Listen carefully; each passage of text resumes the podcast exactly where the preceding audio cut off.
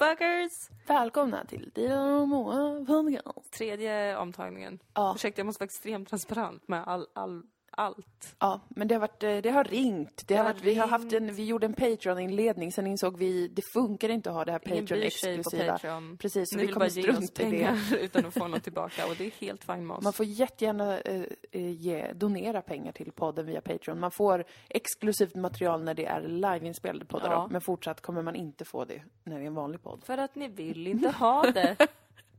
Ni har inte sagt någonting. och då är vi upp efter några veckor.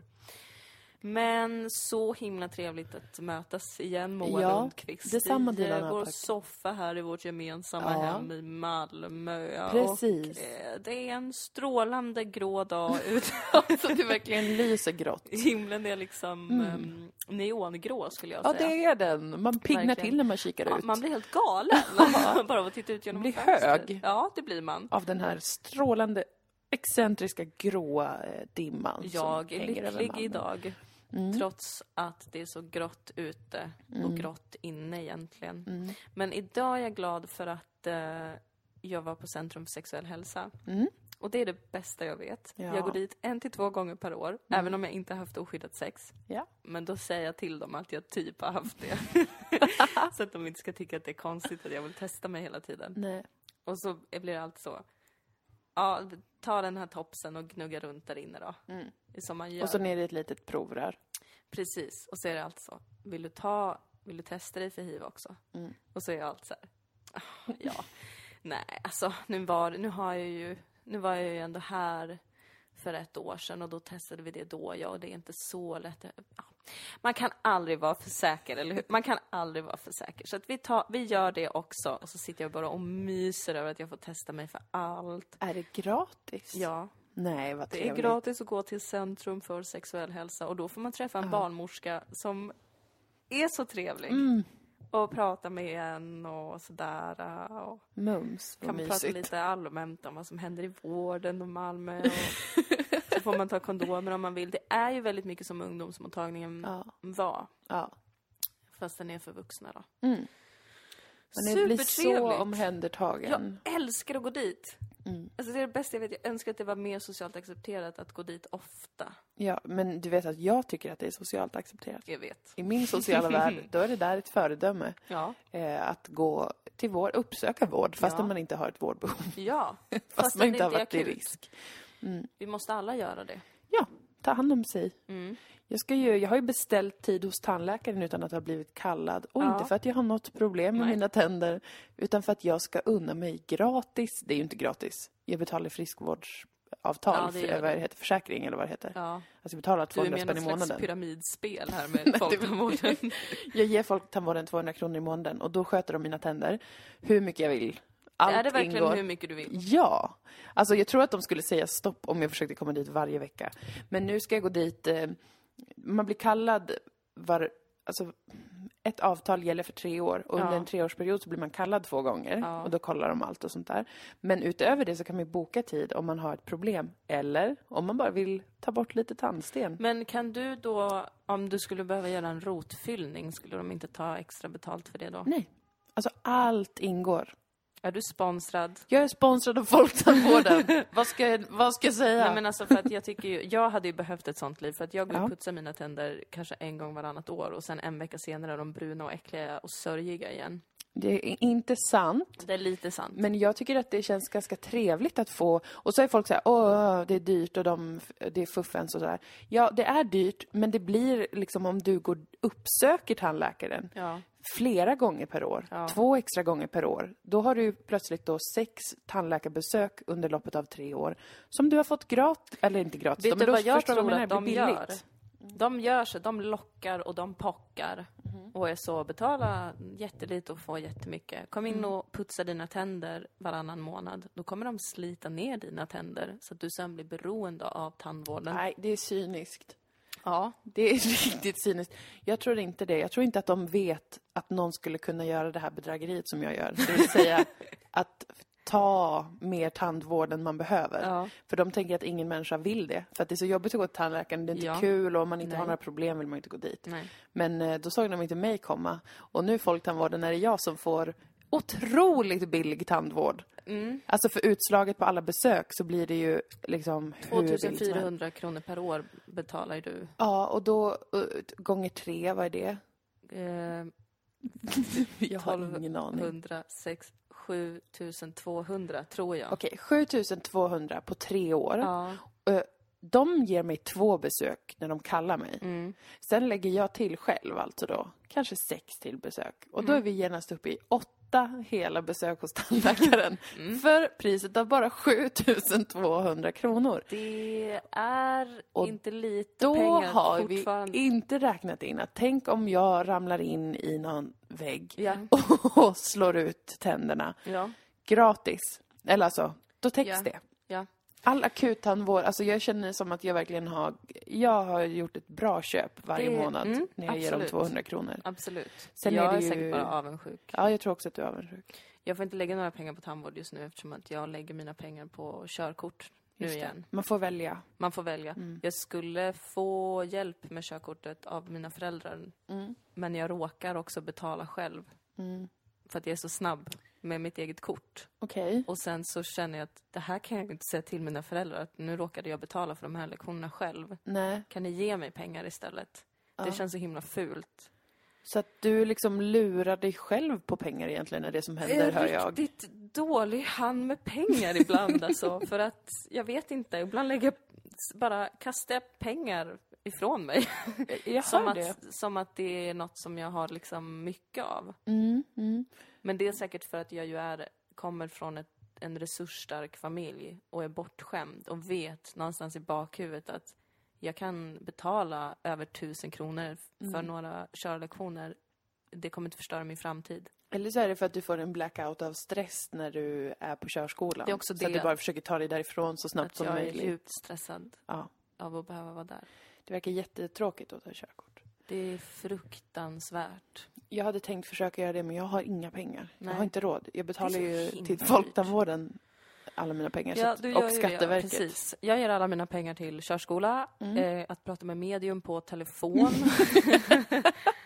och även... ehm, det är nog det Det är det, ja. som ofta blir de största utgifterna som Ja. jag liksom inte kunde se komma. Att jag blir lite chockad att oj, blev- var det så mycket? Och jag bara gav bort de pengarna. Ja, ja. För att, mm. Usch. Mm. Vi ska inte prata om pengar eller körkort, för det har vi pratat om i två Ja, andra avsnitt av den här vi. podden. Vi kommer att prata ganska mycket om TV idag, vi kommer utgå ganska mycket från TV idag. Jo, vi har kollat, och- men inte på det slentrianmässiga sättet som vi gjorde i våras. Nej. Utan här finns tankar, här finns Här känslor. analyser. Det är inte bara att vi, vi kommer börja prata om det per default. Nej, vi har gjort diagram och skalor och, Mm. Forskning. och ritat av mycket TV. Ja. Ritat av väldigt Mm. mycket TV. Åh, Och en rolig man som man gud ser. vilken lik imitation. Ser du, hör du ja, det är Lina i Tro på Och kärlek. jag blir alldeles varm.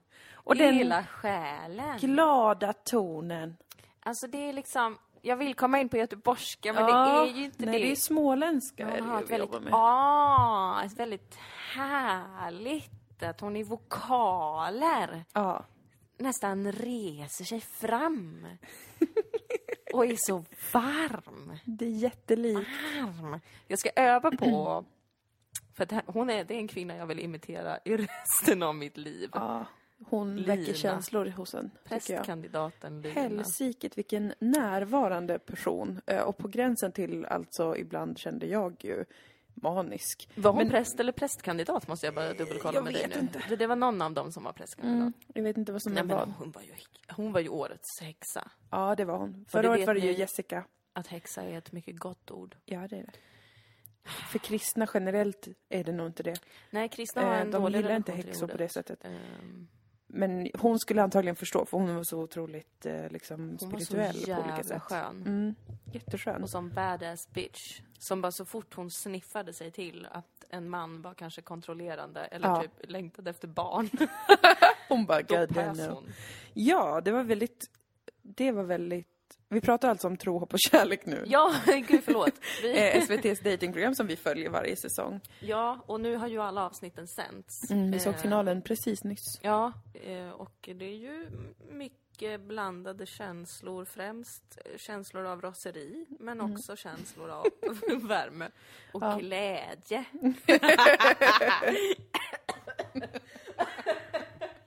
Det blev sån fest. Oj! Oj, oj, oj.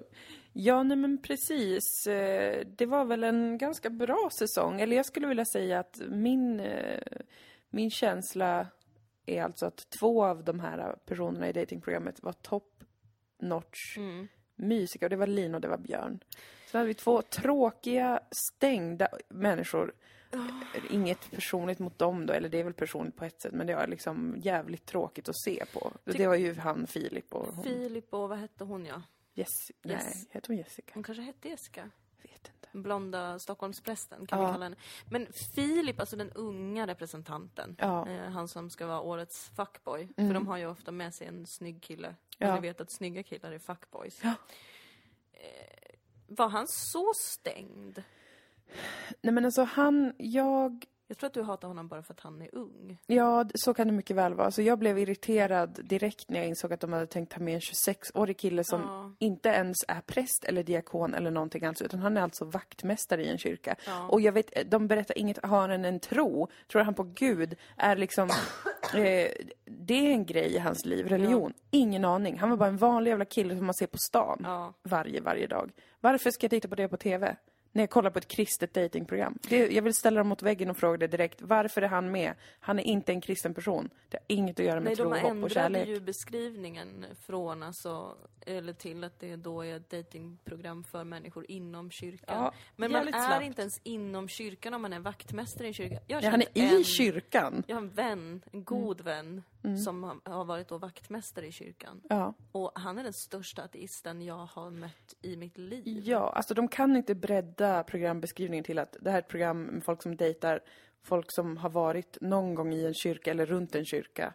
Det är det de har Då gemensamt. skulle jag lätt kunna vara med i det jag, programmet. med, jag har varit i en kyrka. Ja, jag är ofta i kyrkor. Ja. Nej, men så det är så det, trevligt. Där tycker jag, där blev jag illa berörd. Va? Och sen Ja. Mm. dess så hade jag svårt för honom. Och jag tyckte också att han var så här, jag gillar absolut inte när folk är så här i datingprogram. Jag känner samma för alla, jag kan inte avgöra vem jag tycker om. Då tycker jag att man är stängd och falsk. För det är Ja. klart du vet det, du är väl inte dum? Nej, men det är det som jag tycker är konstigt med hela programmet egentligen. För att jag förstår inte hur de ska kunna lista ut någonting genom att gå på två dejter med varje Nej. person. Och det här är också mer kritik. Nu regnar det, nu haglar det kritik. Ja, vad skulle vi annars låta regna Vad- över ja, precis. Inte en direkt. tv-produktion? Inte komplimanger direkt. Nej. De sitter och äter en stel jävla broccoli eh, bukett Vad de i en tom restaurang. Varför vid Gud alltså? Ja. Ja. jag vänder mig till Gud för att försöka få svar på det här fruktansvärda. Att varför på dejter när de ska äta ihop Mm. så sitter de i en helt tom lokal, en övergiven gammal restaurang eh, där ingen jobbar, där Nej. ingen bor. Varför finns det ingen tanke om att det måste ju finnas någon slags stämning? Det är så stelt och dåligt och jag är besviken och, det, och man känner, fan vad lite tid ni har lagt på det här. Helvete vad lite Jo, tid ni lite lägger tid på de får det. för varandra. För att det här, alltså jag menar, jag, och jag vet inte om jag haft fel förväntningar, men jag har tänkt att det här programmet, alltså det, att om det är ett datingprogram så ska det kanske leda fram till att folk ändå vill ha en relation. Ja, eller att Men- något i alla fall händer. Ja, men här har det blivit lite mer att, eller det känns som att programmet handlar om att de ska lista ut ifall de skulle kunna tänka sig att dejta en person. Ja, jag vet. Alltså, Alltså jag att de tycker... får så dejtförspela med varandra i TV och sen Ja. så är beslutet typ, kan du tänka dig att fortsätta träffas? Så ja, vi har ju haft sammanlagt 120 minuter tillsammans och det skulle vara fint att få se lite mer av dig. Vad är det frågan Det är så om? opassionerat och tråkigt ju. Ja, det är Alltså det. då tycker jag till exempel att ändå Bonde söker fru är bättre. Det håller jag på att kolla på nu då, det är en Mm. ny säsong. För där fattar man ändå att de spenderar tid med varandra för att de gör det. För att de bor hemma hos den personen under en period och så Mm. vidare. Som den, alltså, de dejtar ju flera då på en gång och sådär. Mm. Men det blir så himla ohållbart att det verkar också som att de får mindre och mindre tid i SVTs dejtingserier. Kapar SVT budgetarna för Jarowski och Baluba, frågar jag mig själv. Ja. Eh, Är det det som händer? Att de har en vecka på sig att spela in ett sånt här program? ja, men typ. För att nu hänger det ju allt nästan på Mark, Levengood och klippningen. Så att de kan Mm. klippa ihop det så att det verkar som att folk blir kära i varandra. Vi kollade ju på Vad hände sen? ingen är ihop med någon. Nej. Alla är exakt som innan, inget har hänt. Det är också för att man inte ska dejta är något som jag har funderat på Mm. mycket på sista tiden. Att det inte är bra. För Nej. att den där pirriga känslan som folk beskriver i liksom sista avsnittet när de är så, okej men nu väljer jag den här personen för det känns Ja. lite pirrigt. Det känns ju pirrigt oavsett vad för att ni, ni är på en dejt och dessutom är ni filmade. Det finns Mm. Ja. ju inget pirr man kan gå på egentligen. Nej. Och så tänker man, ja, ja, men då kanske de bara skulle få dejta utan kameror. Ja. Men ska man dejta alls? Ja, alltså jag, jag tycker ju att det vore bättre om, om man... Det låter ju snuskigt, hör jag i min tanke direkt när jag formulerar det här, men att jag tycker att det skulle vara mer spännande om folk låg med varandra först Ja. och sen eh, direkt efter samlag, dagen efter, då börjar man följa deras resa. Ja. Hur var det? Var, vilka känslor väcktes hos dig när ni hade samlag? Ja. Och så vidare. För det är då saker, alltså om man ska hålla på med sånt här, Ja. med kärlek. Det är ju knullet som är grejen. Mm. Alltså jag menar, det är ju det som särskiljer det från en, från en vänskapsrelation. Det är att man tallar på varandra hela tiden. Eller jag menar, vad är det annars? Det är ju inget himla magiskt. Det är ju bara, okej nu får du också en typ en kemisk kick Ja. utav satan för att du har varit och, och, och pillat och tallat. ja. Och alltså, då måste de väl ha mer fokus på det än att folk ska sitta och dricka mjölk på en äng tillsammans Det är jätte och bli filmade. Ja, Eller om de får dejta, alltså i eh, bara extrema vardagssituationer. Mm. Tycker jag eh, hade varit bättre. Alltså om det är så att man faktiskt letar efter kanske en livspartner. Då hade jag Mm. hellre velat placera dejterna typ i tvättstugan. ja. i...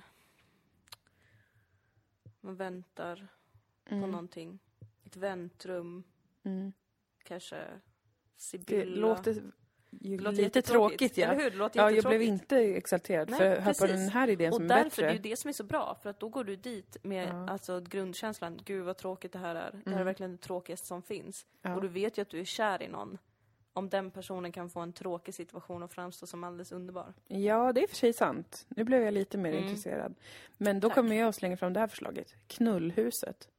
Ja men det är ju antingen eller. Antingen så får man dejta på riktigt, Ja. alltså i tvättstugan. Ja, Eller så får man ha knullhuset om man verkligen ska vara seriös med att hitta en... precis. Om, ska, Fungerande. om folk ska få någon koppling sådär till Ja. varandra utöver att det är trevligt ihop. Och att kanske också de som är med då, Jag alltså har de som alltid så söker, fruktansvärt gräsliga förslag till TV. men då tycker jag att även de som alltså är de som har ansökt, Mm. säg Filip till exempel, Mm. Vaktmästare. han får ligga med alla sina tjejer. Ja. Men att de här tjejerna också får ligga med andra killar samtidigt. Ja. ja, men jag tänker på att man öppnar portarna. För det är viktigt det där med att man inte ska vara den enda som inte knullar runt. Nej, visst, det måste vara jämställt. Ja. Alla måste få, om de vill, knulla runt. Alltså i knullhus tänker jag att det är så här, portarna öppnas, det strömmar in människor. det låter som en sån jätteäcklig porrfilm. Det låter som Paradise Hotel på ett Ja, men det är kanske Paradise Hotel. som har rea. Nej men usch vad äckligt. Nej men jag tänker att det är ett vackert stort hus. Alltså ett vackert slott. Mm. Eh, som heter Knullhus. Knullslottet kanske. Och det är inte något så här att man gör det inför kameran eller något. Men där inne får folk vara en hel underbar eh, helg. Mm. Och eh, det är kul aktiviteter, allt är frivilligt. Alla är singlar. Mm.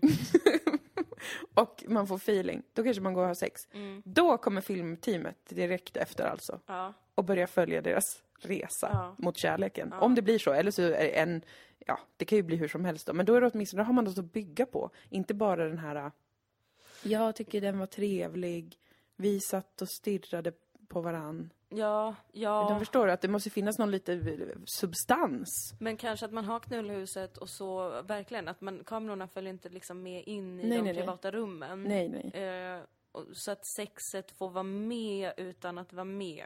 Jag visst, alltså jag, prat, jag vill inte ha någon vidrig porrsåpa. Mm, det För det behöver finns inte vara redan. vidrigt. Det kan vara jättekul Mm. och jag undrar hur många porrsåpor det verkligen finns. Alltså som är bra porr. Och inte bara liksom, ja men typ Paradise Hotel, folk ligger och... Alltså, Alltså Duracell. jag försöker alltid titta på Paradise Hotel och så tycker jag att det är pirrigt att man kommer få se folk ha sex och så har de så dåligt sex varenda gång. Det är jättestelt Det att är se. jätte... Förutom Vem? Anna och Christian, Ja, men, när de låg med varandra till slut. Usch vad Då osmakligt. satt jag och skrek. Ja. För att det var så hett. Nej men alltså jag tyckte det var slabbigt. Alltså Nej. det kändes såhär... Nej. Det var helt underbart. Jag gillar Christian jättemycket. Jag hatar Paradise Hotel fortfarande, men jag gillar Christian. Jag gillar inte Christian. Nej, han är ju från Umeå, Mm. tyvärr. Så att det, det är lite det tror jag. Mm. Men tro, hopp och kärlek, har vi, någon, har vi något slags ehm, analys? Det var ju synd att det inte funkade mellan Björn och, eh, vad hette hon då? Linda. Linda, för de passade ju så bra ihop. Ja. Samma med Lina och Tony. Ja, jag vet. Alltså, men då kände jag verkligen när vi kollade på den, vad hände sen? Och det visade sig att båda de sa så här, nej men vi hade typ ingenting. Då kände jag bara, vad fan har ni lurat i oss för någonting? Ja. Ni har bedragit oss. Och vad har ni behövt lura i er själva? För det Exakt. tror jag också beror på att det är så himla kort tid. Och då Ja. uppstår den här konstiga typ nästan... Men som, men som att man blir tvungen att känna något för någon då ju. Ja. Men det, det finns ju, ehm, för det här brukar ju vara kritiken mot även så här viktminskningsprogram, att det går så himla, det är på så kort tid för att eh, budgeten är pressad, produktionen är den billigaste för man kan göra juicy television, very cheap. Eh, men sen finns det även då serier eh, på viktminskningsområdet som har, följer en människa under ett helt år. Eh, jätte, jätte, jätte tjocka människor som får hjälp av en kille och en tjej och går ner i kanske 300 kilo i vikt. Så det är den stämningen vi pratar nu och det här är amerikansk produktion, givetvis. Men då tänker jag att man skulle kunna göra något motsvarande ju. Alltså om man vågar satsa lite på dating-tv. Ja. Då följer man ju några människor, kanske efter att de har varit i knullhuset, Ja. så följer man dem ett helt år. Alltså upp och nedförsbackar, känslor, tankar, allt det här. Förlåt. Nej. Det här är, det är hur bra som helst. Visst. Alltså att man startar i, man får ha kanske två veckor i knullhuset. Det kanske är för lång tid. Men alltså bara, man, man bara är där med massa eh, andra och Mm. får ligga. Så att alla som är deltagare har fått den där första boosten. Ja, Att typ, du kan få till det, du kan få fysisk kontakt med andra Mm. och så får man det där lilla självförtroendet som sex ger en. Mm.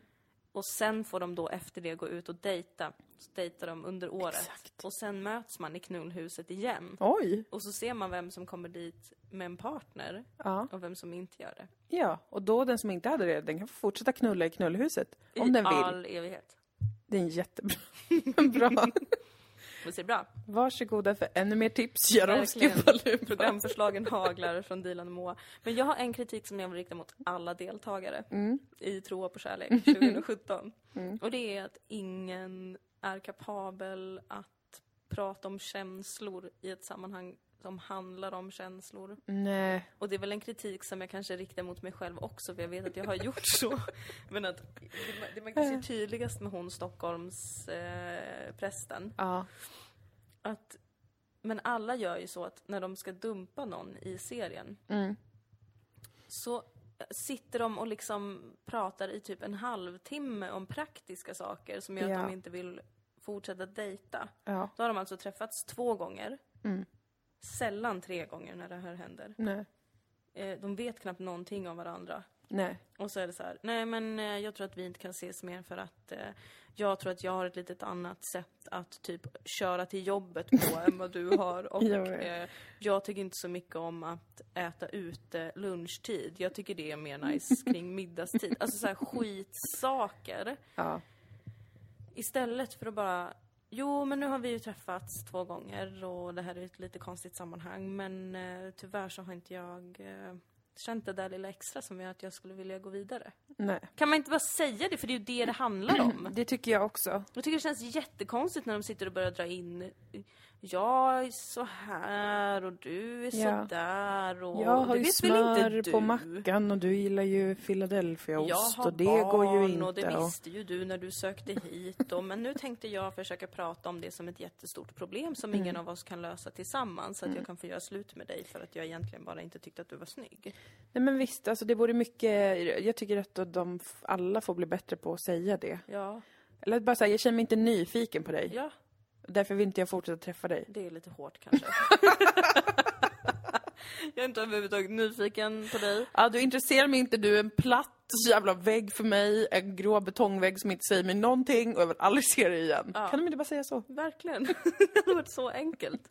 Ja men det är väl ändå något som man kan vara ärlig med i det sammanhanget. Eller säga, jag känner mig inte nyfiken på vad som uppstår mellan oss. Tycker att det är Ja, men, eller bara att jag det inte har tips nu. uppstått någonting mellan oss. Ja, Precis. det har inte uppstått något hos mig. Punkt slut. Ja, visst. Nej, men jag är helt med dig på den kritiken. Att Ja, det- där eh, får folk bli bättre alltså. Ja.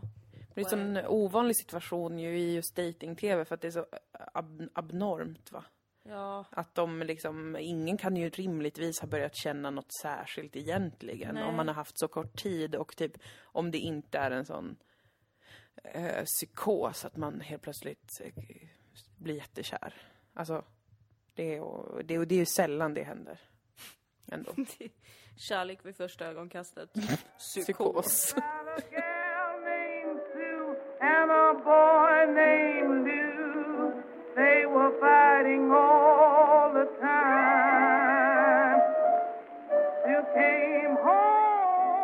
Ska vi röra oss vidare mot nästa ämne för dagens podcast? Ja, för att jag såg, och även du har sett, Ja. på SVT Play eh, en liten miniserie som handlar om utbrändhet bland unga kvinnor. Ja. Som heter We Can't Do It, som är Edit. SVT, alltså jag vet inte vad som är vad, men det är på Jag SVT trodde i inte att. Edit fanns kvar om Inte jag ärlig. heller. Jag trodde att det blev med det som den där andra saken de hade. Flow. Flow, just det. Som var ett, år, ingen visste vad det var för någonting. Ja. Och det var ändå hysterisk stämning för Ja. att folk bara "Lite pengar. Ja. Det var Precis. min imitation av eh, eh, Sverige. Men eh, Men Edit finns. Edith finns tydligen. Och då är det en liten, det är tre delar tror jag det var. Ja. Jag tror inte det skulle komma fler. Utan Inte? det var tre. Jag ska vara ärlig och säga att jag har bara sett en och en halv del. Ja. Förlåt mig. Jag är besviken och jag vill inte se på dig just nu. Nej, jag förstår det. Jag förstår det. Varför kunde du inte vara en duktigare flicka och Nej, prestera lite jag bättre? kände att så här, jag ville kolla och sätta mig för att kolla och då bara känner jag att jag kan inte kolla.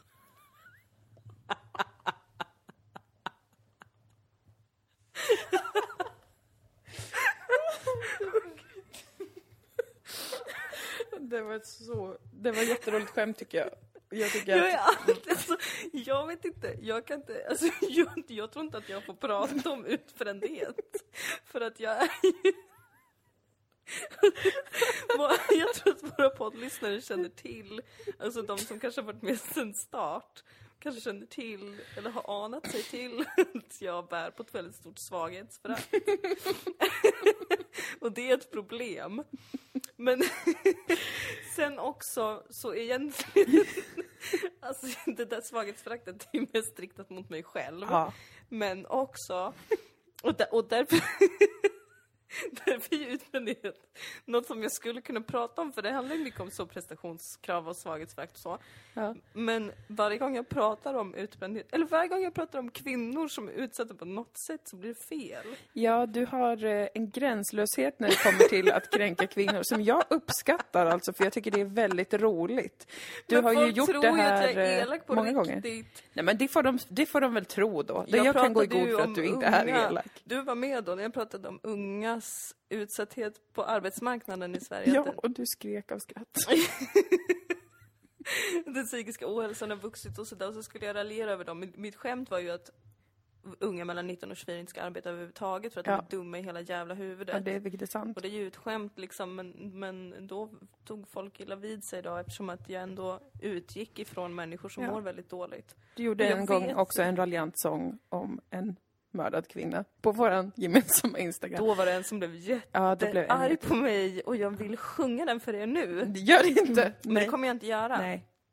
För att om en Instagram-story som försvinner Ja. kan väcka så stor ja. uppståndelse. Då, alltså, du, du får hålla dig Ni i... minns när jag sa husplatt i en podd en Ja, gång? det har du också sagt riktat mot en kvinna. Ska jag sjunga My Body? Nej. Men Mm, alltså, det är det som att du får något plirigt i blicken och du vet exakt, du vet exakt att du kommer liksom gå över anständighetens alla gränser. Och jag uppskattar som sagt att det också får finnas i det offentliga rummet som är våran podd. Så att ni som eh, blir bestörta och känner er kränkta, jag säger bara så här, ta några djupa andetag, det är inte så farligt. Låt Dilan ha sitt lilla farligt. Jag vill att ni ska förstå att jag har också varit djupt olycklig. Okej? Du behöver inte försöka När jag bortförklara. var en liten jävla mes. Nej men jag var mellan 19 och 24 år. Ja, ja. Fint. Bra, då har vi gjort en del disclaimer som handlar om att du är, Dilan är inte elak. Hon har bara ett starkt intresse för att eh, köra över eh, anständighetens gränser när det kommer till eh, saker som rör kvinnor, unga kvinnor. Men jag är ju en ung kvinna själv. Ja, visst, och du, vem skulle få säga det om inte du? Och jag har massa kort att dra, det vet du. Jag vet det. Jag har cancerkortet. Jajamän. Jag har funktionsvariationskortet. Jajamän. Jag har invandrarkortet. Jajamän. Jag har kvinnokortet. Yes! Om jag anstränger mig kan jag få till HBTQ-kortet. Också. Med tanke på hur många kvinnor som kastar sig över mig. Ja, nej, men du vet att jag är inte nervös alls. Nej. Men eh, jag bara skapar en bro mellan vår enhet och lyssnarna. Mm. Eh, så att de ska förstå också varför det är så fruktansvärt kul. att du inte kan hålla dig i kragen när det kommer till just sånt där. Jag kan verkligen inte det. Nej, och det är inget illa ment. Nej. Ehm, men den här eh, serien handlar ju då om att det är nu mer jätte, jätte, jättevanligt. Jag har inte statistiken i huvudet eftersom att jag inte förstår statistik eller Fyra siffror. gånger fler kvinnor än män Just det. lider av utbrändhet. Ja. är många 200 fler. människor per år 200? dör Va? av stressrelaterade sjukdomar i Fast Sverige. också, är de gamla då, eller vad menas? Det kan ju inte vara en knallfallen 24-årig tjej som går på Chalmers som bara smack, bong, bang. Nej, men tänk att det kanske är mycket 40-åringar som var i 20-årsåldern Ja. blev utbrända och sen aldrig återhämtade sig. Ja, ja, så kan det vara ja. Men vad Men bra... alltså det är ändå för många såklart. Alltså, det är tråkigt som fan. Sen. Låt mig säga det här till alla er som tror att jag är Hitler nu. Ja. Jag tycker det är bra att man gör ett sånt här program. Ja. Jag tycker det är bra att man pratar om utbrändhet. För att det är en, en, ett tillstånd, eller vad man ska kalla det. Ja, det är ju en sjukdom Ja. Och det har ett lite töntigt namn. Ja, det har man är det. utbränd. Ja. Jag tror att det är en del av att man inte tar det på allvar. Precis, för det låter som att någonting man gör. Det låter som ett Ja. verb. Ja, Vad gör du? Ut... men ändå så Bränner? arbetar folk Nej. ihjäl sig. Och det tycker jag som arbetskritiker är fruktansvärt jävla idiotiskt gjort av samhället. Ja, och det är ju också detta med att det är så himla också då kopplat till eh, kön, va? Ja. Alltså att det är så eh, ohemult mycket vanligare bland, bland kvinnor då. Mm. Att man alltså jobbar så mycket, tar sig an så mycket och aldrig hinner vila och återhämta sig. Att man till slut alltså så, så klappar frontalloberna ihop i princip. Ja. Och det är ju...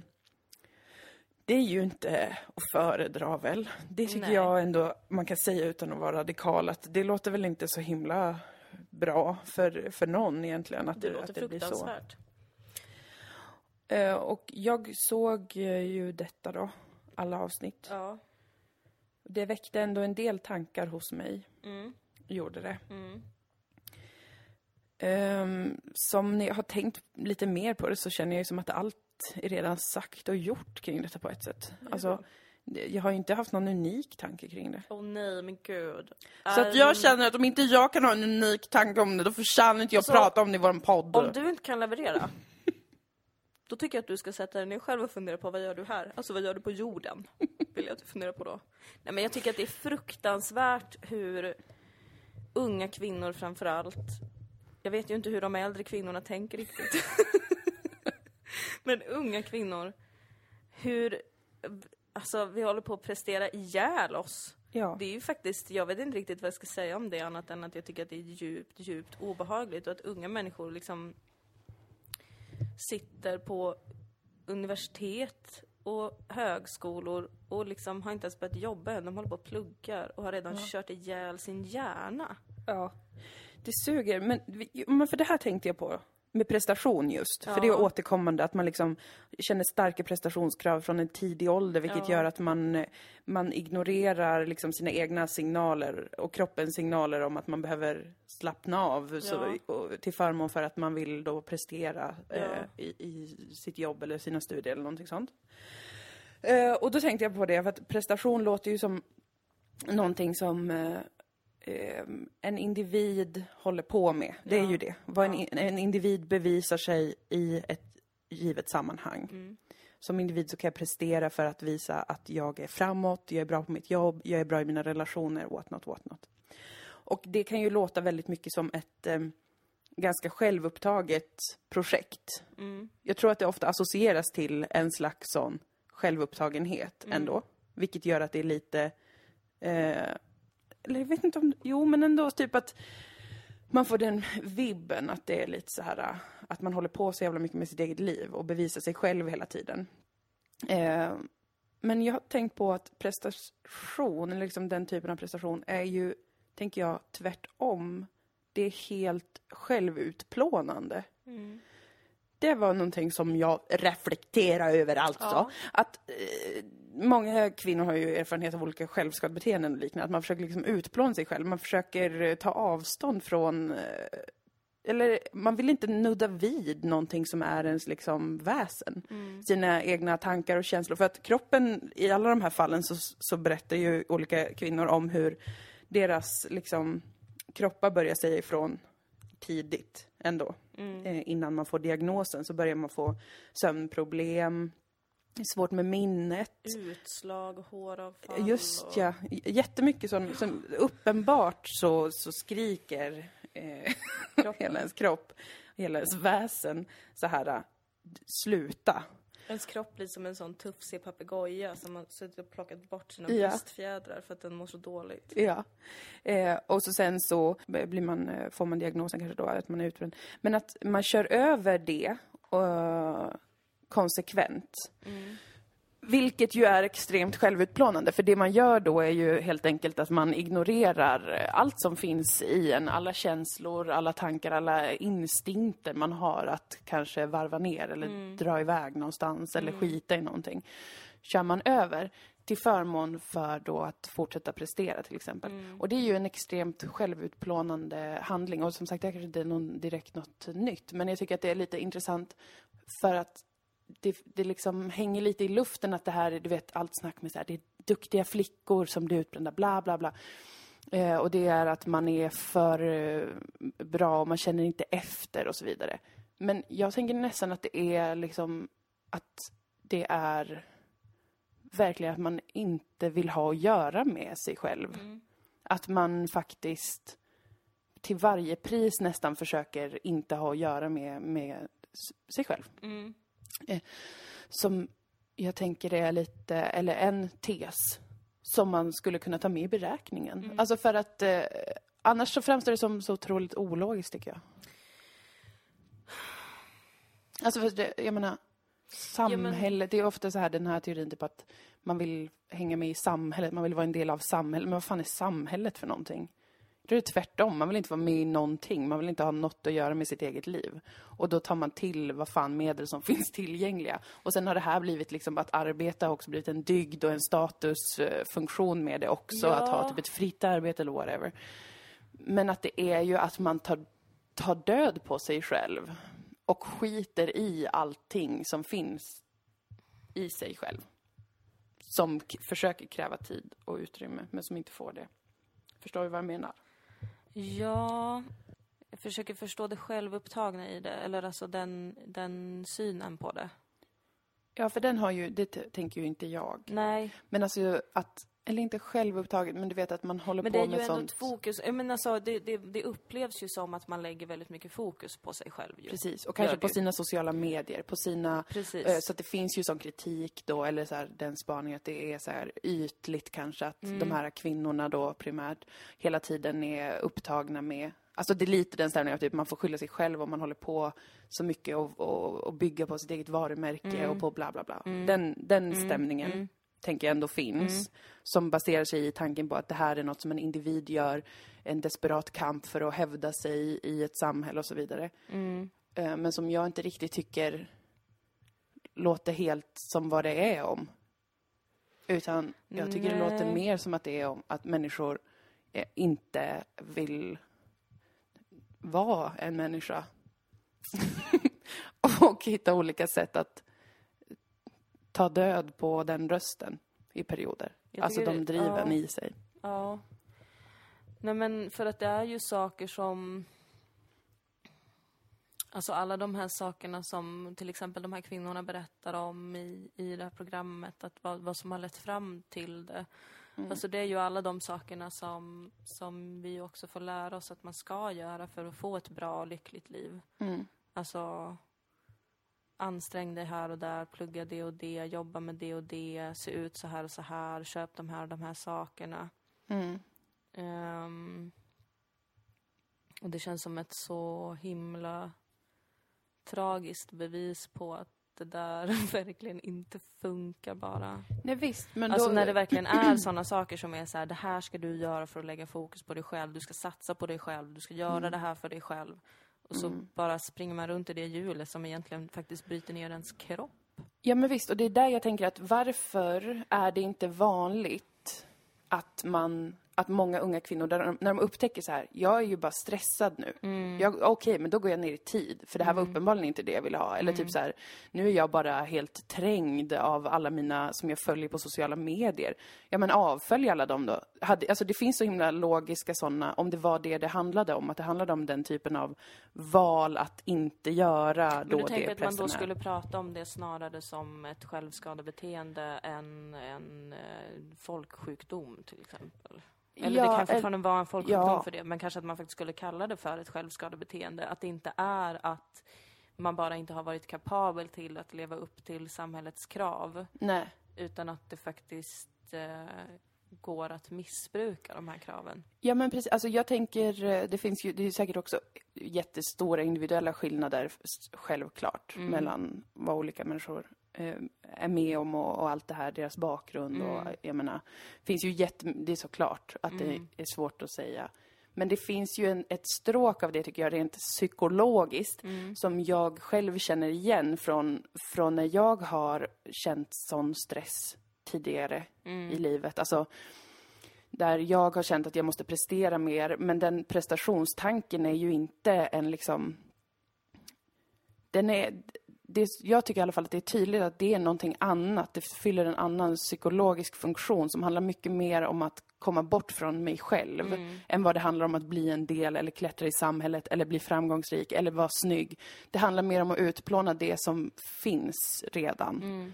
Eh, och det tänker jag liksom det behöver inte vara sant eller stämma för alla, men, men jag tycker att det finns mer spår av det än vad det finns spår av att så här, jag är en sån jävla, jag måste bara prestera för jag måste bli bäst. Jag tycker det är mer så här, jag vill inte vara en person här. Jag måste prestera någonting som någon annan kan se och därigenom bekräfta mig därför att jag vet inte hur jag skulle kunna bekräfta mig själv. Nej men precis. Och det är liksom, det är totalt ointresse för sina egna känslor. det är det, är en total, eh, liksom, ett av, en distansering från det som är en själv, liksom på många sätt. Känslor, tankar, eh, olika så här. Alltså det är ju, Det är så oerhört praktiskt allting. Alltså det är precis som, som ehm, det som jag vänder mig mot i tro, hopp och kärlek. Att eh, vi sätter liksom eh, det praktiska så långt för våra känslor. Alltså man gör slut på grund av praktiska detaljer. Eh, man försöker hjälpa sig själv eller ta sig fram genom praktiska detaljer. Eller liksom, det, jag vet inte, jag tror att du förstår vad jag menar. Men det här praktiska, att det alltid ska finnas någonting utanför oss ja. Som eh, ska hjälpa oss eller ta oss fram eller förbättra oss eller någonting. Och att det är helt uteslutet att det finns något inombords som spelar någon roll Ja. Precis. överhuvudtaget. Precis. Att det är liksom, ja men då ska jag få ett bättre liv nu genom alla mina prestationer. Jag ska få det genom att köpa vissa saker, göra vissa saker, skaffa mig en viss status, bla bla bla bla bla. Och så är det som att allting bara händer utanför ens kropp. Mm. Samtidigt som vi vet att vi är varelser där det mesta händer innanför Ja visst. vår kropp ju också. Ja. Det känns lite freaky. Ja, och ehm, ja men alltså till exempel med, med olika självskadebeteenden och sånt så är det ju en, förknippas det vad tjejer brukar hålla på med. Alltså ätstörningar eller eh, att man skär sig eller liknande. Eh, men det är ju fortfarande lite pinigt med de grejerna. Eller jag menar, de är ju inte någonting som samhället har gjort till en dygd. I och för sig man har försökt göra anorexi till lite av en, prestation som är värd men det är den ju inte såklart. Men alltså typ att, eh, att jobba väldigt mycket och vara väldigt driven är ju en, eh, det är ju upphöjt och väldigt liksom värdefullt så i, i vårt samhälle som vi lever nu. Så att, att det själv, potentiella självskadebeteendet har också fått en legitimitet i då att du kan säga att det du gör är att du tycker det är jätteviktigt att jobba eller få de här betygen. Som ju ytterligare gör, eller det blir ytterligare ett steg bort från vad det egentligen då tänker jag handlar om. Psykiskt. Som är andra saker. Som är ens plats i det här samhället, ens plats i sina relationer, på sin arbetsplats. Alltså det, det handlar om sådana, tänker jag mig, alltså i grunden, sådana grejer. Existentiella saker, ja. alltså, Vem är jag? Vars får jag vara? Får jag begära det här av livet? Ja. Förtjänar jag detta? Alla de sakerna behöver ju människor dela med, uppenbarligen. Det, där, det, det här programmet fick mig faktiskt att tänka på eh, i våras. När jag... Eh, jag vet inte om jag pratat om detta i podden. Mm, Men jag var, jag var ganska deppig i våras. Och så var jag så, okej, men nu ska jag försöka liksom reda ut det här, varför jag är så deppig och typ tyckte ingenting var värdefullt eller spelade någon roll och bara sådär, som man kan bli ibland. Eh, och jag, när jag då bestämde mig för att lösa det här, eller att jag hade tröttnat på att gå runt och vara så sur och ledsen hela tiden, då vände jag mig ju liksom direkt till det praktiska. Alltså att det var, okej, men då det här och det här har hänt och det måste jag bearbeta och sen så finns de här och de här sakerna och det påverkar mig så och så och sen har ju det där hänt och det där som var för, alltså väldigt mycket liksom, nej men det finns logiska och rationella förklaringar i mitt liv och saker som har hänt rent fysiskt, bla bla bla bla. Tills en vän till mig faktiskt bara så här, vi berättade om hur jag kände och vi pratade och hon bara, men kära någon, typ, du, du har ju en liten, nu har du en liten existentiell kris. Ja. Det här är liksom eh, rent eh, typ filosofiska saker du går runt och funderar på, som varje människa måste fundera på. Varför tycker du att det är så konstigt att du går igenom det? Har inte alls med din barndom att göra. Utan du går runt och funderar på vem fan du är i den här existensen och det får man göra. Men alltså det var så långt bort. Och det är så långt bort för oss alla för att det är så skönt att kunna pyssla med de här praktiska sakerna eh, som finns i den fysiska världen. Ja. Som vi kan förklara saker med och då slippa, fastän vi alla går runt med det där ju. ja, visst. Den där konstiga, för att när allt kommer omkring så är du bara du. Du är bara ett medvetande i en kropp och du är helt själv i det. Och du kommer vilja gå runt och reflektera över de sakerna. Men de sakerna finns inte. Nej, det är väldigt... eh, Alltså i våran värld, i våran omgivning där vi lever. Det gör det inte. Och då satt jag och funderade på igår när jag kollade på det här, typ hur många av de här kvinnorna har bara egentligen undanträngda existentiella spörsmål Ja. som de inte har fått reda ut och tagit sig tid för och typ ifrågasatt sin existens och vilka de är och vad de håller på med egentligen. Och varför de varför är de där de är? Varför presterar de? Varför pluggar de? Varför jobbar de? Varför är de i den relationen? Alltså allt det där. Det är som att det är så himla mycket av det som bara ska vara och så ska vi hantera det. Ja, precis. Att den, liksom, den platsen i den här världen, att få vara verkligen en människa med allt vad det innebär även i att existera, den har fortfarande inte kvinnor. Nej. Generellt. Alltså det är fortfarande inte liksom within reach. Sen vet jag inte hur mycket killar håller på med det, men jag orkar inte tänka på det. Jag tycker bara att det är väldigt tydligt att liksom, det är att begära för mycket. Man upplever inte att man förtjänar det, man upplever att kanske att det är ehm, för eh, mycket att hålla på med eller att ha sådana, man äger inte den platsen som liksom en varelse som är här. Utan man äger bara platsen om man fyller vissa villkor då. Till exempel att man har gjort det och det eller man har blivit, eh, man har legitimerat sin existens genom att vara till lags eller på massa olika sätt.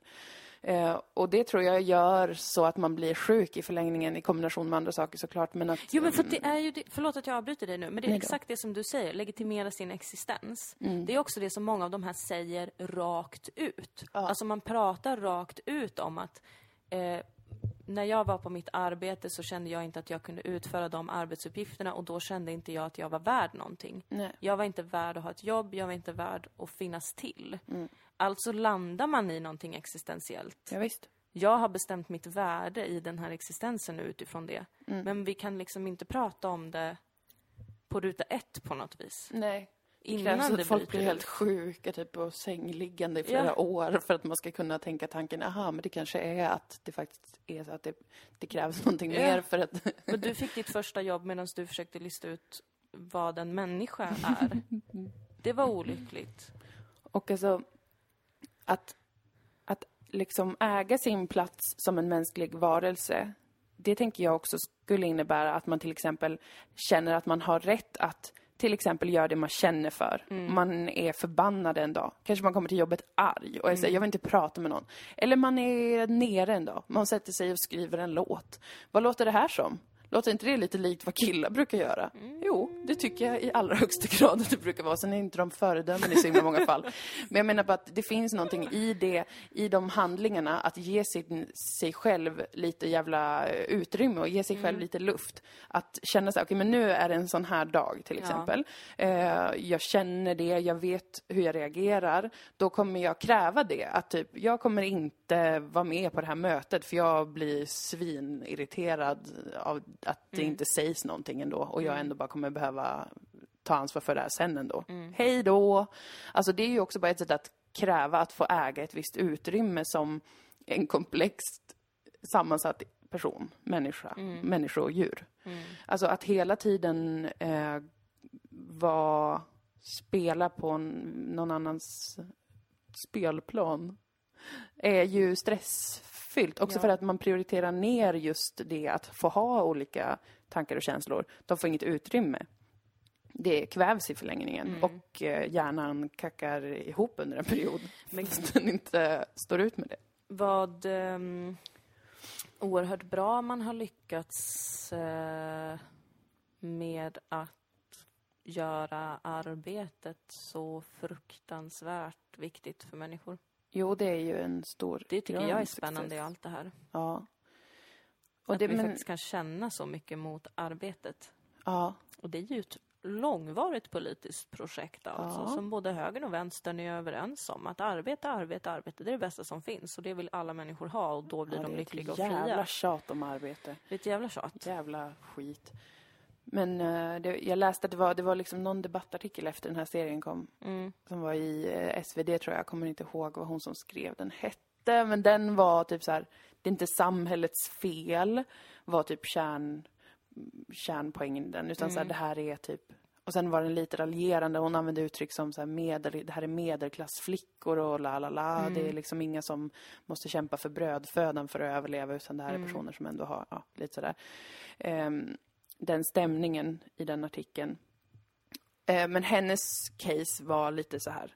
Det här är såklart ett jättestort problem och det är skithemskt och verkar vara vidrigt att behöva gå igenom. Men man kan inte säga att det är samhällets fel. För det var lite då, det är ju lite tesen i serien, får man ändå säga. Alltså just de här sakerna med hur arbetsmarknaden har utvecklats, hur typ vår närvaro då också på sociala medier, vår tillgänglighet. Det tar ju in sådana eh, aspekter.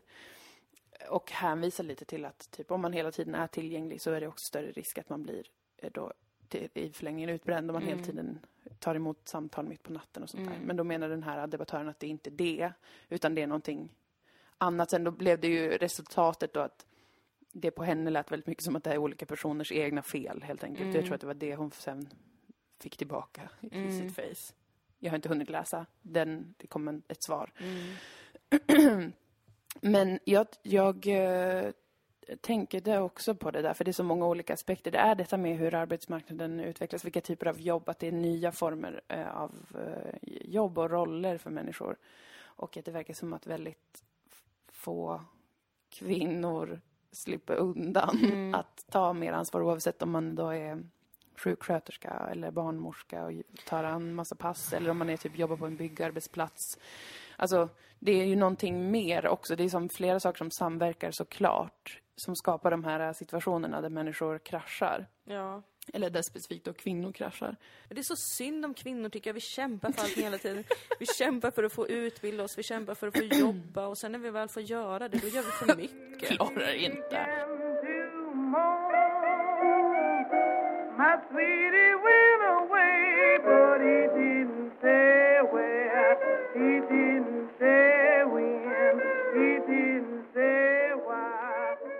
Det är svårt att vara en ung människa Jo men det är ju det också.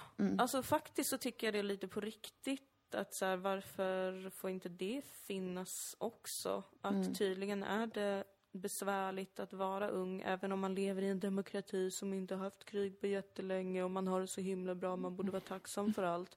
Så är det fortfarande en själslig prövning att Ja, men det är växa svårt upp. att leva överhuvudtaget. Det är Ja. råkonstigt. Vi är såna alien-däggdjur som springer runt här med pattar och fittor och allt vad det är och ska leva här. Det är väl hur Det konstigt är som hur helst. konstigt som Hur helst. skulle någon kunna tycka att det är normalt? Är man dum i hela huvudet? Ja. Alltså hur skulle någon kunna vara avslappnad kring det? kan jag aldrig någonsin förstå. Man bara, nej men det är väl helt naturligt. Nej men det är det väl ändå inte. Vi är för fan ute på någon jävla klump i universum. Det är råkonstigt. Alltså Ja, är grundförutsättningen naturligt, men är jag förstår inte det. Jag har inte funnits jättelänge på den här jorden. Och det, men det är den här konstiga inställningen som vi alla går runt med, att vi ska veta allting hela tiden. Man ska Mm. inte behöva undra över någonting. Man ska veta vem man är, vart man kommer ifrån och vad man gör på sitt jobb som man började på för en dag sedan. Allt Mm. det ska man ha koll på tydligen. Går folk Nej. runt och känner. Superdumt. Och det, det reagerade jag på i den här äh, dokumentärserien då, eller vad det kallas, eh, om, eh, om utbrändhet. Att det var så ett säg i slutet av ett av avsnittet som var så här, bara, den perioden som ska vara den bästa i ens liv fick den här personen typ spendera hemma på soffan eller något sånt där. Men alltså, Men kan folk Grund- sluta säga att 20-årsåldern är den bästa ja, tiden vad i är ens det liv? frågan om? Alltså det grundantagandet då, som är att den här åldersperioden, när du från gymnasiet till att du är typ 25, att det skulle vara helt självklart att det är den bästa tiden i människors liv. Det är också så här, det är det ju för guds skull inte, eller du kan, åh gud. Och, och det var flera sådana saker som jag tänkte på som var så här, eh, man vill ju vara en del av det här samhället, eller så här, man vill ju göra sin eh, roll, spela sin roll i samhället. Det där tror jag är en kvarleva från när man bara värderade kvinnor utanför, utifrån deras biologiska förutsättningar. Kanske. Alltså för att om man pratar om det så, absolut, den bästa Mm. tiden i en kvinnas liv är mellan kanske 18 och 25. För att då Ja. är du så himla bra på att bli befruktad och bära barn. Ja, Rent biologiskt är din kropp toppen då. top notch. Allt annat suger, Mm. ofta. Vissa har sin prime då, Ja. jätteglad för er skull. Ja. Andra har inte det. Jag satt och tänkte igår på hur fruktansvärt besvärligt det är Mm. att vara i den här åldern. Ja, men Och det är inget alltså, som är svårt, allt i mitt liv är toppen, jag har ett kul jobb, jag bor med mina vänner, allt går bra, min familj mår bra, bla bla bla bla. Det är fortfarande jättebesvärligt. ja, det är för Jag det är jättesvårt och längre. konstigt att leva. Jätteunderligt. Det är det verkligen och det, det tycker jag är, jag tycker att vi behöver någon slags filosofisk revolution bland Ja. unga kvinnor snarare än, alltså okej, så här, jag vill absolut inte vara en sån person som försöker lägga över allting på olika eh, personer, för det vet Mm. jag är skam, skamligt. Ja. Eh, såklart finns det stora strukturella förklaringar och eh, samhälleliga och allt det här. Ja. Jag vet om det.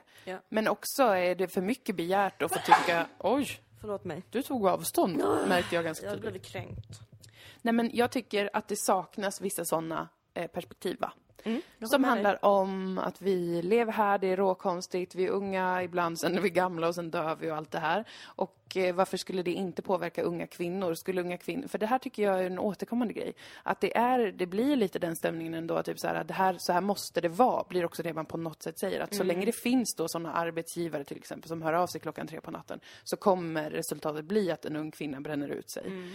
Det måste ju inte det. Och sen så, visst så ser jag ju självklart att det har att göra med att eh, ha då, se till att arbetsgivare tar sitt ansvar, arbetsköpare tar sitt ansvar, allt sånt. Men jag menar, många är ju egna företagare nu och bränner ut sig själva. Så att det finns ju uppenbarligen ett djupare liggande problem som jag inte bara tror går att hänvisa till att unga kvinnor vill prestera och vara bäst och ha det som en förväntning på sig från uppväxten för att man har vuxit, blivit uppfostrad som kvinna. Utan Jag tror också att det har gjort någonting med en eh, psykologiskt och på, en, på ett djupare plan i hur man upplever sin rätt till att vara en, en tänkande, kännande individ. Ja. Och det skulle jag uppskatta eh, om det fick vara med i bilden. Så att det inte bara är den här, för jag börjar känna att jag känner mig inte träffad av den beskrivningen. Det skulle Ja, vara som att man där, bara, eh, "Ugh."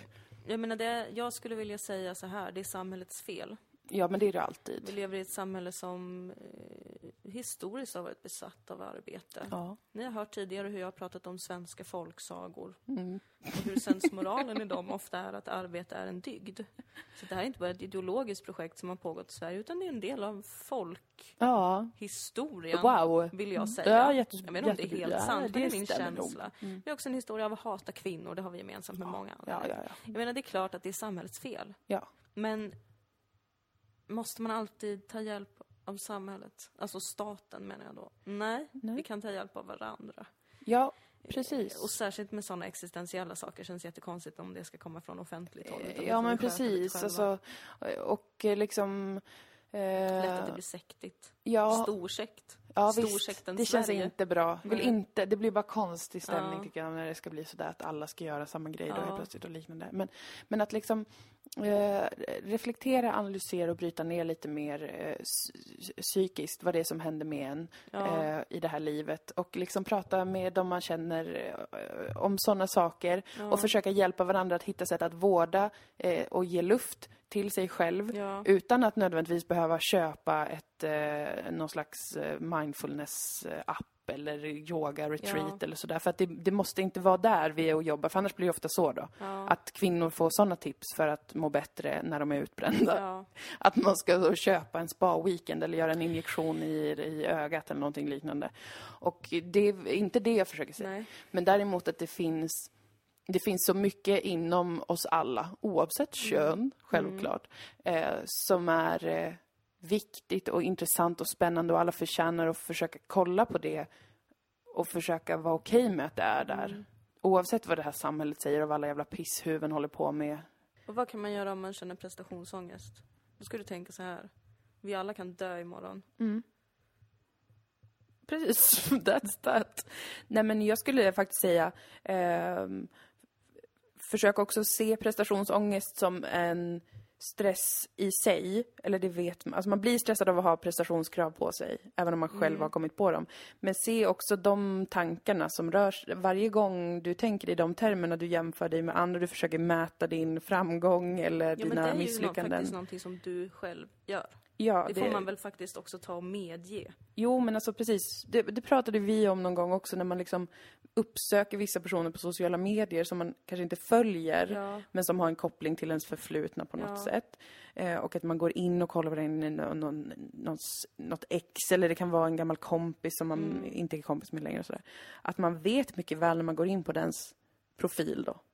Att det här kommer inte vara behaglig upplevelse Mm. för mig. Det här kommer vara en stresssituation. Det vet man. Ingen är så dum att man bara gör det. Sen kan man i efterhand försöka göra en sån efterhandskonstruktion där man bara, nej men jag bara råkar hamna inne på dens profil och såg att den har gift sig. Åh gud vilken romcom eh, imitation av en kvinna. Men, men det, det är inte så. Nej. Utan det där gör man. Ja. Och varför? Ofta för att man är självutplånande och vill få en legitim anledning till att hata sig själv och tycka att man inte förtjänar eh, något intresse av sig själv, Mm. säger jag. Och även när, alltså, för det är klart att du kommer, det kommer alltid komma prestationskrav utifrån på en. Ja, Om man arbetar tillsammans med andra människor till exempel. Men då Mm. tror jag att man också måste stanna upp en liten sekund och bara okej, vad är det nu för krav på mig utifrån och vilka krav ställer jag på mig själv nu utifrån det här? Och varför ställer jag de kraven på mig själv? mm. Vad tjänar det till? ja, Nej, men alltså faktiskt bara tänka lite på det och faktiskt medge att man också gör något mot sig själv. Jo men För faktiskt. det känns också lite daltigt med det här. Att man inte får säga till kvinnor att de gör något fel. Nej precis, för det behöver ju inte betyda att man menar att det är individens egna ansvar. Nej. Alltså på det sättet, men jag menar vi är ju ändå tänkande, kännande varelser. Ja, Så ur en aspekt så är det ju faktiskt så. ja Att men det är också- inte ett nytt prestationskrav. Nej. Att typ du ska lyckas hantera det här Nej, du ska ensam och du måste må jättebra. Nej. Utan det är bara lite så här. Gör, gör det för dig själv, kanske prata med andra om det eller prata Mm. med kompisar, även om det känns löjligt.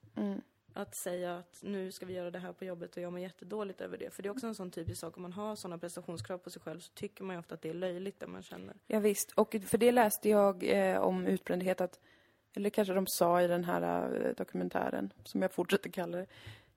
Eh, men att eh, många av de här personerna som har sjukdomen då, eller har fått den, utbrändhet, de har förnekat sina symptom. Mm.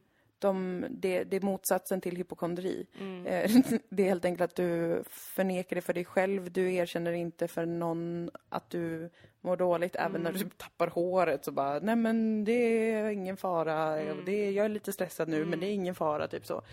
Och alltså det, där får man ju vara jävligt uppmärksam. Samhället är verkligen dumt. Det tror jag vi Summa alla är eniga om. det är samhällets fel, Ja, men vi alla måste hitta sätt att överleva. ja. Och det Precis. hänger på en själv, för att man föds ensam och Om man, dör, ensam. tjejer! Kanske är man helt ensam. Kanske. Kanske är alla runt omkring oss bara en illusion Mm. i en dröm. Ja. Men fortfarande Det är är det du som upplever drömmen. ja, det är och bara du du. kan påverka din egen upplevelse av den, Ja, tror jag. Men det är ändå viktigt att ni liksom försöker ge er själva lite space. Klä er varmt nu när det är kallt. Ja. Ät mat som är bra för kropp och själ. Eh, späka inte er själva, straffa inte er själva. Det behövs inte. Och snälla, tro inte att jag håller på att se ner på människor, för jag gör inte det. Nej, men vi, jag tror inte det. Vi tror inte det. Du och jag tror inte att jag gör det. du och jag tror inte att du Nej, men för att jag är en riktigt duktig flicka. Det ska ni alltid komma ihåg. Varje gång det känns som att jag är stabil eller mår bra eller gör något bra i mitt liv. Då ska ni komma ihåg att där bakom sitter en liten tjej, ensam i ett hörn. Jag sitter i ett badkar. Duschen rinner över mig och jag sitter och gråter och huttrar för vattnet är kallt. Åh nej. Och jag kurar ihop mig och jag tänker på hur värdelös jag är och hur lite jag gör och hur jag inte borde få finnas till. Så är, Glöm inte det. Så är väldigt många. Det är en inre bild jag vill att ni ska gå till. Ja, den är jättevacker. Det är mitt safe space. Mm. jag eh, skulle säga att jag är som en duktig flicka fast på crack cocaine. Alltså så att jag bara brände rakt in i kaklet tidigt som fan och sen har jag bara kört. Eh, och inte varit duktig alltså då. Ja. Utan man kan säga att jag var en duktig flicka. Jag tog crack cocaine. Alltså jag gjorde inte det på riktigt men det är en bild jag försöker måla upp. Ja. Eh, och sen bara började sån hårdrocksmusik spela och sen är det resten av mitt liv. Och jag gillar det alltså. Det känns toppen. Får jag tillägga att jag tycker att det är en feministisk kamp att bry sig lite mindre också.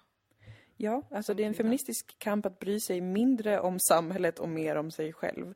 Fast inte sig själv som en isolerad ö, utan Nej. sig själv som en varelse bland varelser på den här planeten som behöver göra sig tillgänglig för andra varelser Ja, för för att kunna ha... varelser. Vi behöver varandra jättemycket. Och vi behöver kunna vara med varandra i olika typer av svåra situationer. Vi kan inte stänga ner och bli sjuka Nej. av krav och liknande. Så att, att ta hand om sig själv är att ta hand om sin, sina vänner och sin familj. Det är inte ett enskilt projekt för att bli världens bästa människa som är kompetent och sen orkar göra tusen saker. Det tycker jag är en viktig grej. Ja. Att det handlar om att vårda dig själv för att de du älskar ska kunna få vara med dig. Mm. För att ni ska kunna vara, vara, vara, vara med varandra. Helt enkelt. Fattar ni väl? Fattar ni väl? Om du ska gå runt och vara jävla eh, ledsen och stressad varenda dag för att du håller på med ett projekt, för att du hatar dig själv så mycket. Det är inget kul. Nej, Det är inte så mycket nice nej, life. det är det inte. Så gör om ju rätt tjejer, era jävla Han såpor. är så jävla dålig faktiskt. Jag är glad att jag är en stark kvinna. Jag med! Du vet att jag, svag. jag vaknar varje dag och tänker vad skönt att jag blev en stark kvinna. Men vad trevligt att prata med dig. Du, jag måste gå och hämta mina barn nu. Um, Eh, Okej, gifta för jag har kalas för mina barn. Oj, vad kul. Um, ja, vi ska förnya våra löften. Um, Okej, men jag ska gifta mig i eftermiddag och sen så ska jag typ ta hit mina barn. Ja, du ska det? Okej. Ja, på jag fest. är gravid faktiskt. Du är gravid, ska få Ja, barn, men jag gud vad. Åh Mm, nej, men du, jag har en ny vagn till mina barn. Eh, jag har byggt en vagn till mina barn faktiskt. Okej, Eh, men jag har byggt ett eget hus ja, här utanför okej. nu. ja, jag är ett hus, brukar jag säga. Ja, ja, du behöver gå ner i vikt. Eh, jag har lyckats äta väldigt mycket och jag är väldigt stolt över det. Mm. Så... Nej, men jag äter jättemycket men jag är ändå väldigt smal. Ja. Alltså jag äter bara bearnaise, men jag är fortfarande väldigt smal. Um, pizza med bearnaise. Jag tycker det är fetofobiskt att vara smal. Okej. Så jag försöker faktiskt lägga på mig väldigt mycket vikt. eh, så att jag inte behöver gå runt och kränka folk hela tiden. Men om du vill det så... Nu har vi drivit med alla olika stereotyper av kvinnor i en väldigt snabb, in rapid time. Så att nu Ja. kan ingen bli kränkt för att nu är alla kränkt. Nej, precis. Oj, vi måste driva med den här typen av tjej. Jag sitter och pratar i en podd och tror att jag har saker att säga till omgivningen. Jag tror att jag eh, för att jag spelar in det på allt. Garageband. De- Jag är 26 år och tror att jag har svar på Jag ska allting. sitta och prata om mitt liv. Så. Nej, det är underbart. Hörrni, Ska vi avrunda eller? Ja. Ja, vi... Det enda live-giget vi har inplanerat framöver är väl den 3 november, eller hur? Då är det livepodd i Göteborg på Gud, Henriksberg. Längtar. Längtar ihjäl mig. Ja. Men vi ses då, annars får ni gärna fortsätta stötta oss på patreon.com slash Dilan och Moa där det alltså inte kommer ut något annat extra material Nej. än livepoddarnas extra material för att ni vill inte ha mer och det respekterar vi. Vi tycker det är skönt att ni inte vill att vi ska behöva prestera mer än vad vi redan gör. Det är en del av den feministiska kampen. Yes! Och jag eh, kom på att, säga, att jag ska säga att jag kommer faktiskt åka upp till Umeå 29 november och stå uppe på Club Fanny. Kul. Och sen kommer jag även stå uppe i Nordmaling den 1 december. Det blir ju tokigt och sjukt. Så om du bor där eller någonstans i Västerbotten, ta skotern! Alltså så skulle jag aldrig kunna säga. Nej okej. Nej, Ta det... åsnan. Om du bor i Kurs... Ja. ja, jättekul. Men puss och kram på er. Puss och kram, vi ses igen. Ehm, på stan. Oh.